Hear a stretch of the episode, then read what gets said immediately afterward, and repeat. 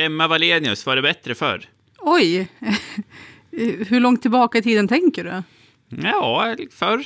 Vi pratar ju, just idag är det kvinnodagen och om det var mm. bättre förr kan man ju referera, om du menar innan det var, kvinnorna fick rösträtt så kan, kan jag ju inte förespråka och säga att det var bättre förr men vissa hävdar ju mm. att vissa saker var bättre förr. Tycker du att det var bättre förr? Uh, nej, det tycker jag tycker jag inte. Fast jag kan vara romantisk över hur det var, hur, hur det var förr. Du är ju från Kramfors du. Ja, men precis. Eh, jag upplever att det är många i Kramfors som tycker att det var bättre förr. Mm -hmm. Men tror du inte att det har lite att göra med att Kramfors hade sina glansdagar förr och fler bodde där? Är det det du refererar till? Eller vad, mm. vad har du fått för känsla av när de säger att det är bättre förr? Vad, vad menar de då? Ja, det är exakt det jag refererar mm. till. Och det är lite det som podden kommer handla om Hejdå!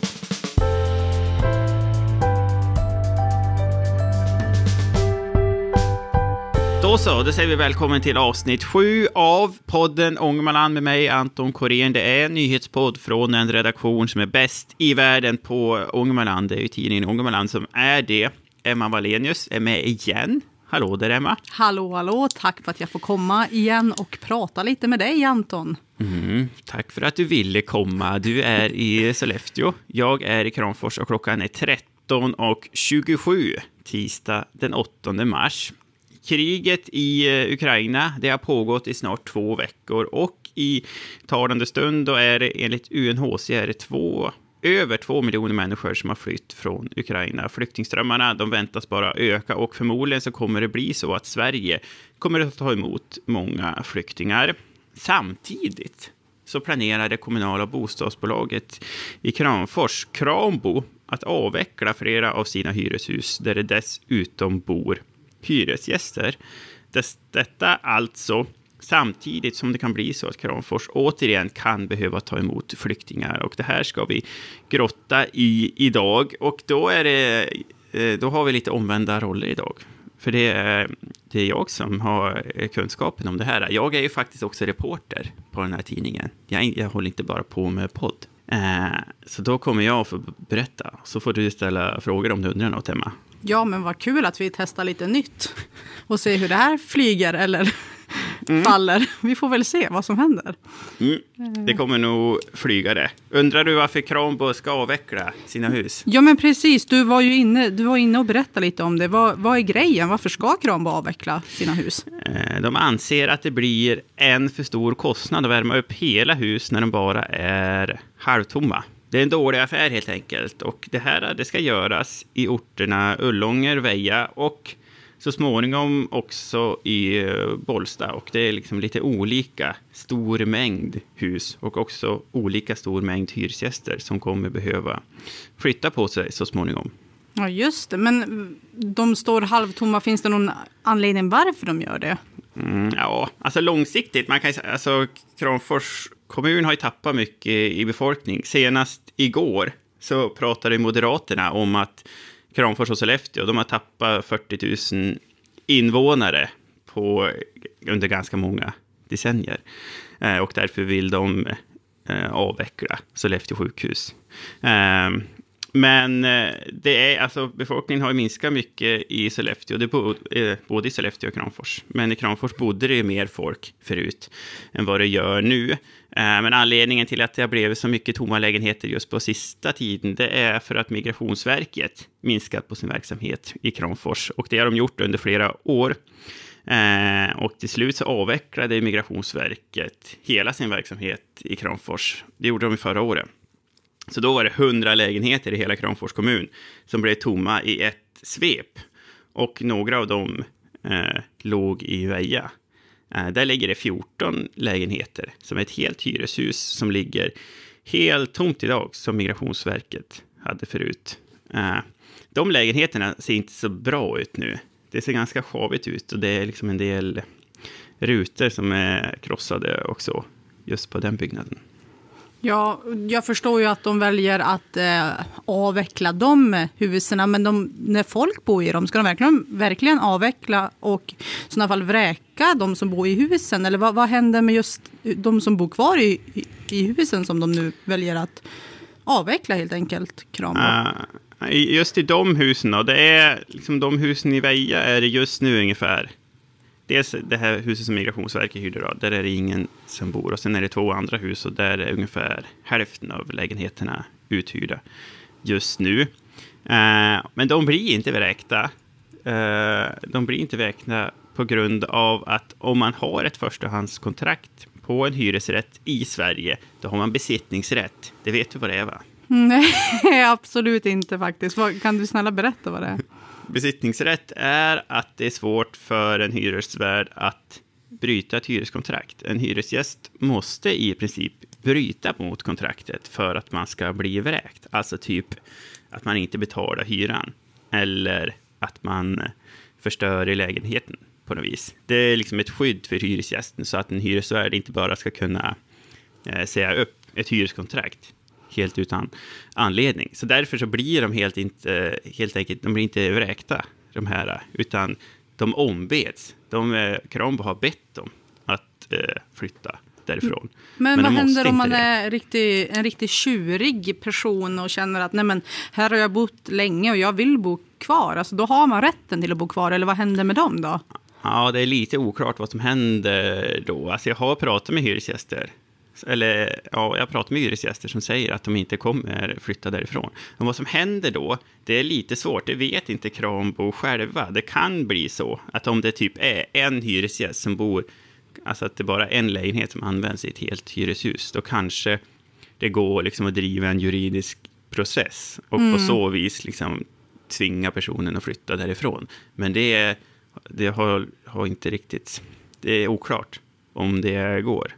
Så om det blir så, eh, då får vi se men just hur det, men, blir då. Men de tänker i sådana fall att, eh, som jag först, om jag har förstått det, då kommer de, de som är villiga att flytta, de hjälper väl Krambo i alla fall att hitta en ny bostad. Matchar de då liksom hyresavgiften och eh, utsikten? Kan, alltså, matchar de det med det de har nu eller hur ser det ut där?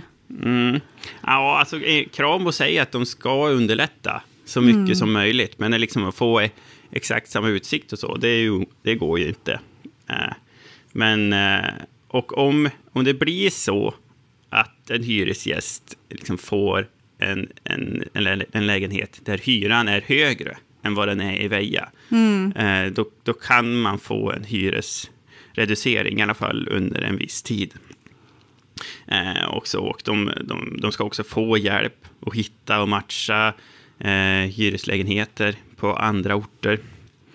Eh, och så. Så Krambo säger att de, att de ska hjälpa dem om de eh, behöver hjälp med att flytta. Också just själva flytten rent praktiskt säger de att de kan hjälpa till med också.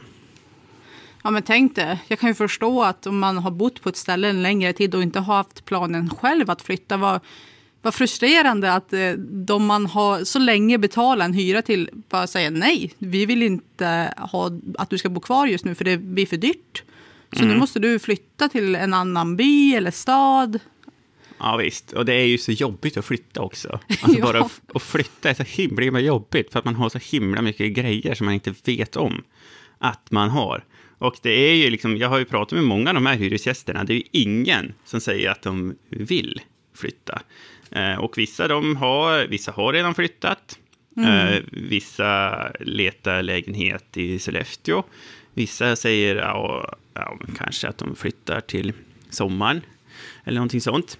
En hyresgäst som jag pratar med heter Katarina och det är tredje gången i hennes liv som hon är med om det här, att hon tvingas flytta för att Krambo vill avveckla huset som hon bor i.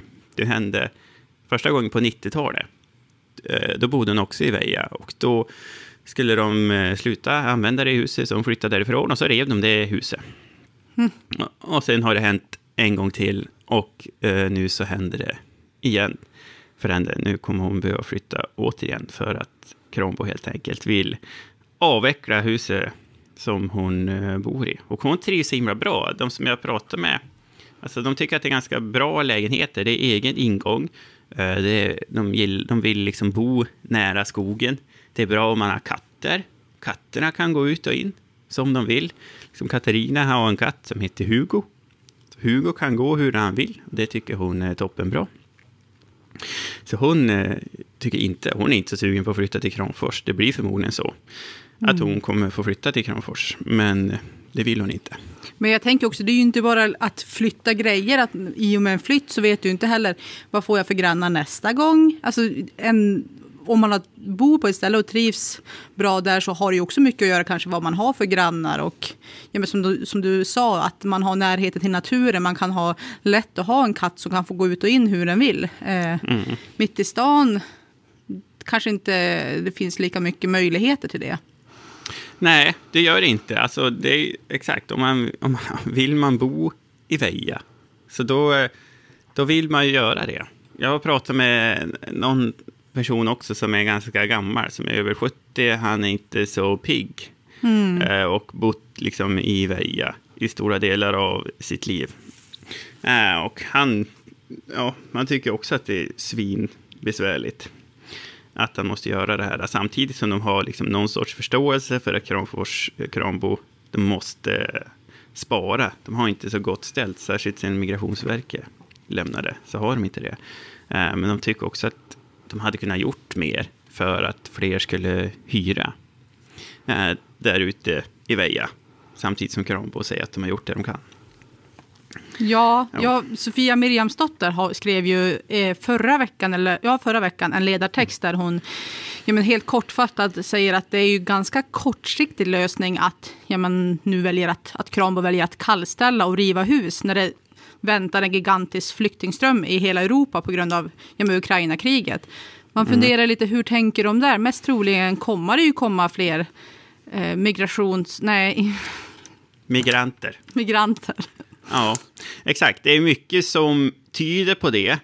Uh, och de här kallställningarna då, det, alltså det, det, beslutades ju om det ganska långt innan det blev ett krig i, i Ukraina. Och, de här, och det här görs ju inte i en handvändning eftersom att eh, hyresgästerna inte blir vräkta. Så, så går det inte att säga en bestämd tid när de måste vara ute och när man helt enkelt kan kallställa och avveckla en, byg, eh, en byggnad. Så det kommer att ta ett tag innan eh, de kommer göra det.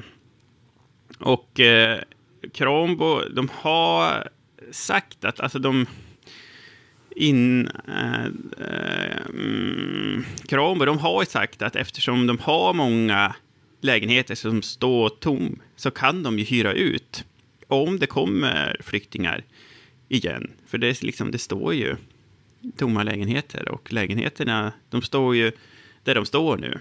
Eh, så jag skulle gissa att de här kallställningsplanerna kanske läggs på is om det blir liksom aktuellt att det kommer många flyktingar igen. Men det får vi väl se då när det blir så. Ja, och vi får väl se om, om Katarina bor kvar också. Mm, det får vi Katrin, se. kanske hon, vad hette hon sa vi? Ja, hon heter, ja, hon heter Katarina. Katarina. Eh, ja, men om de, om, liksom, om de ställer in de här kallställningsplanerna, det vet vi inte om de gör. Men om de skulle göra det då, då är det ju hyresgäster som har flyttat. Mm. Kanske tänk... fast de inte vill det. Mm, precis. Jag tänker på Veja är ju en, en mindre befolkad by i Kramfors kommun. Eh, har du pratat någonting med byborna? Vad tycker de? Då? Det betyder ju att en, det kommer att bli ännu mindre folk som bor där. Mm. Det, det kommer nog bli det. Just Katarina, hon, hon såg ju framför sig, hon har ju varit med om det här då, att hon har bott i hus, det har rivits. Eh, och nu så kanske det händer igen då, och flera bybor också som jag pratade med i Veja och även i Bollsta, där det är tänkt att kallställas hus. Där är, alltså byborna, de minns tillbaka till svunna tider. Eh, jag pratade med två tanter i Veja, till exempel förra veckan, som eh, de berättade om där och där låg det hus förut, nu är de borta. De berättade att det fanns flera matbutiker eh, i byn. De berättade om slalombacken dit man kunde åka spark och hur idrottsföreningen hade så mycket olika aktiviteter eh, på byn och så berättade de väldigt frejdigt om. Och det är väldigt lätt att få folk. Alltså i, i Bollsta och Veja så behöver jag ungefär säga hej till eh, vilken person som helst. Så börjar de berätta om hur det var förr i tiden. Alltså hur hur levande och, och så det var förr i tiden. Och att det inte är det nu. Eh, och det går igenom i alla generationer där. Alltså det är både gamla, men jag har, jag har pratat med 11-åringar i Bålsta som säger att, då, att när flytt, allt flyttas till Kramfors.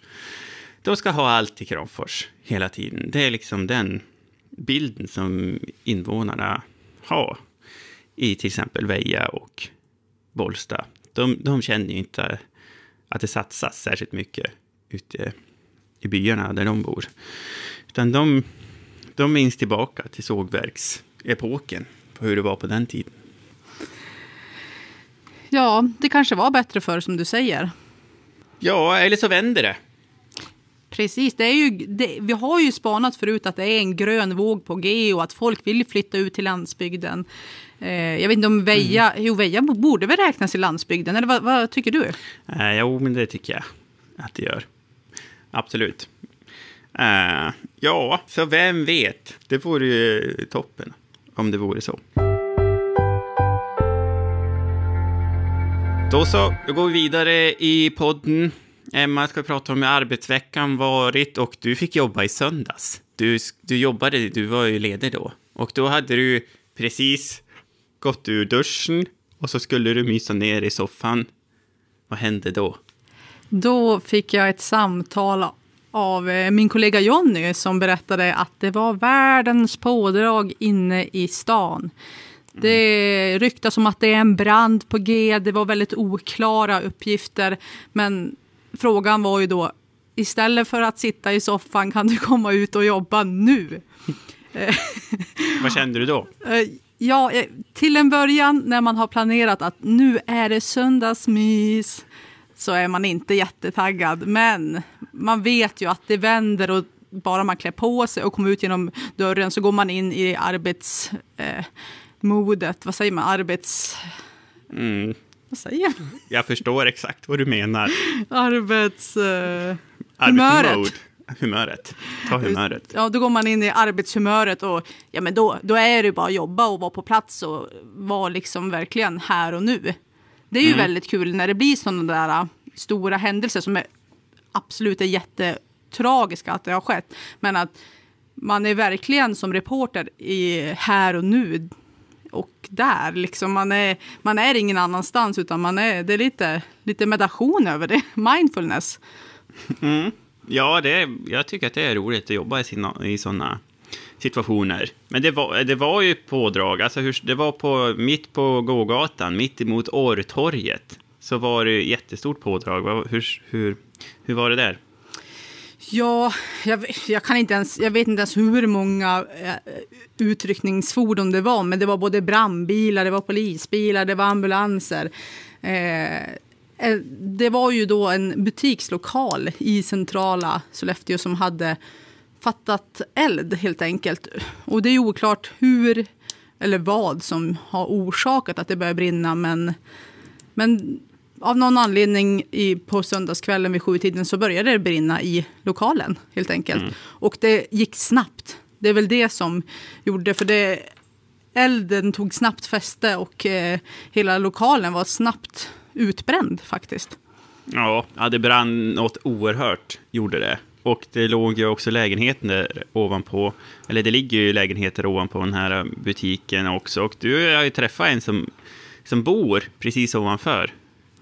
Ja men precis, jag hade ju, vi, du och jag pratade ju bland de första eh, poddavsnitten om hur, hur tacksamt det är när man ringer runt och en person svarar och säger ja men jag kan vara med. Och jag hade faktiskt samma tur att andra samtalet så fick jag tag i Lena som var en av dem som, var, som larmade, eller hennes man var den som larmade räddningstjänsten och hon var den som sprang ut i trappuppgången och varnade alla att det, det brinner. Mm-hmm. Men när hon varnade alla att det brinner så var hon lite orolig för att är det en bomb eller är det något annat? För det enda hon såg var, hon hade hört en dov smäll som hon förklarar lät som en bomb. Och sen så såg hon bara eldflammor utanför. Och hon gjorde ju direkt kopplingen till att Ukraina-kriget, sa hon. Mm-hmm. Eh, ja. ja, just det. Så vad gjorde hon då? då? Nej, men så hon, hon varnade alla i trappuppgången och de tänkte ju först ta skydd i skyddsrummet. Det var, det var deras första tanke. Eh, då när man, de visste ju så lite vad, vad vad det gällde. Vad, är det en brand? Är det en bomb? Vad är det som händer? Man, man har ju bara gått på liksom intrycken man har fått. De har ju, hade ju inte pratat med någon räddningspersonal utan de fick ju bara liksom agera här och nu. Vad, vad ska vi göra? Så några av dem i trappuppgången sprang ner till skydds, skyddsrummet för att ta skydd. Men där insåg de att hela källaren var ju rökfylld så det var ju ingen idé ens att tänka att man skulle ta skydd där nere. Mm. Så istället samlades de på bakgården och ja, men väntade direktiv helt enkelt. Vad som har hänt. Ja. Men hur hade hon, för hon bodde rakt ovanför, kunde hon, hur gick det med lägenheten? Eh, hon, eh, hon valde att sova i lägenheten eh, samma natt fast hon, hon fick ju en natt på hotell om hon ville. Men, men när de skulle gå tillbaka till lägenheten för att hämta sovkläder och mobilladdare för att kunna ringa sina nära och kära och säga att det är lugnt så, så insåg de att det luktade inte så hemskt mycket rök i lägenheten och hon och hennes make valde då att sova kvar under natten med en öppet fönster istället. Eh, polisen misstänker att den här branden är eh, anlagd så de eh, har en förundersökning som gäller mordbrand kring det här ärendet. De har inga teorier om vad som kan ha hänt enligt obekräftade uppgifter till, till oss, till tidningen Ångermanland, så, så, kan det ha varit någon som har slängt in en brandbomb på något vis.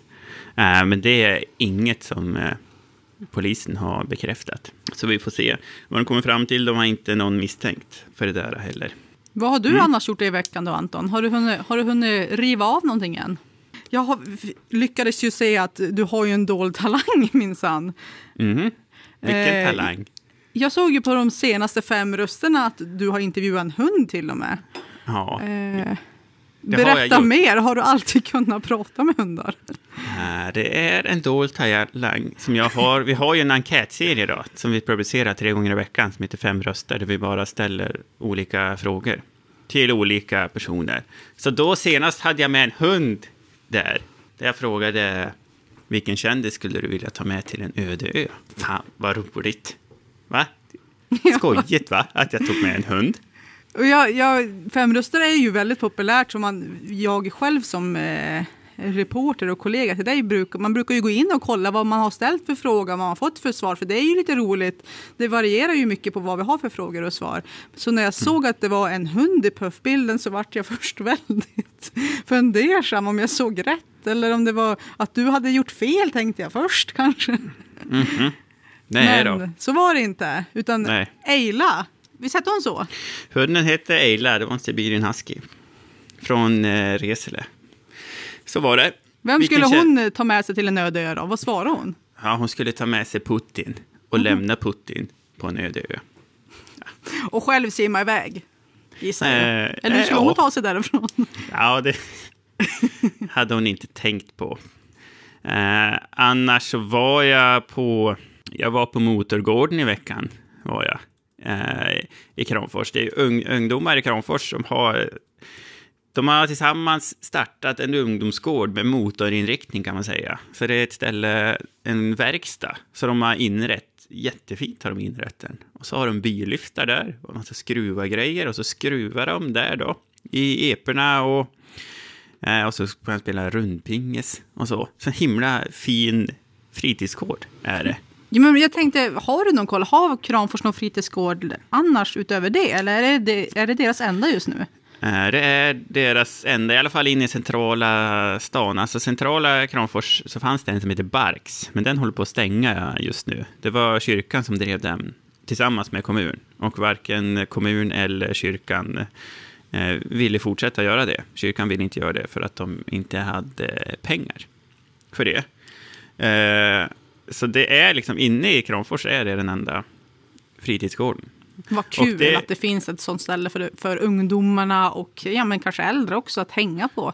Ja, det är det. Jag pratade med ett gäng som var där i fredags. De sa att de, de inte hade varit där, hade de varit på ICA-parkeringen. Och det är väl inte så dumt att vara på ICA-parkeringen heller. Och så. Men de säger att det, folk tycker att de är lite störiga när de är på ICA-parkeringen. Eh, så. så då tyckte de att det är bättre att de är på motorgården istället, då, för där är det ingen som tycker att de är störiga. Och så. Ja, men det, alltså, ungdomarna har jobbat svinhårt för att få till det där och nu har de fått det. Var var du på ungdomsgård någonstans? Vart jag var? När jag ja. växte upp då fanns det ju eh, på Gudmundsskolan hade de ju gården kallas det för. Och det var ett mm -hmm. utmärkt ställe tycker jag för jag var där bland annat eh, vissa dagar i veckan när man... I, mm. när, Istället för ICA-parkeringen? Vad sa du? Istället för ICA-parkeringen?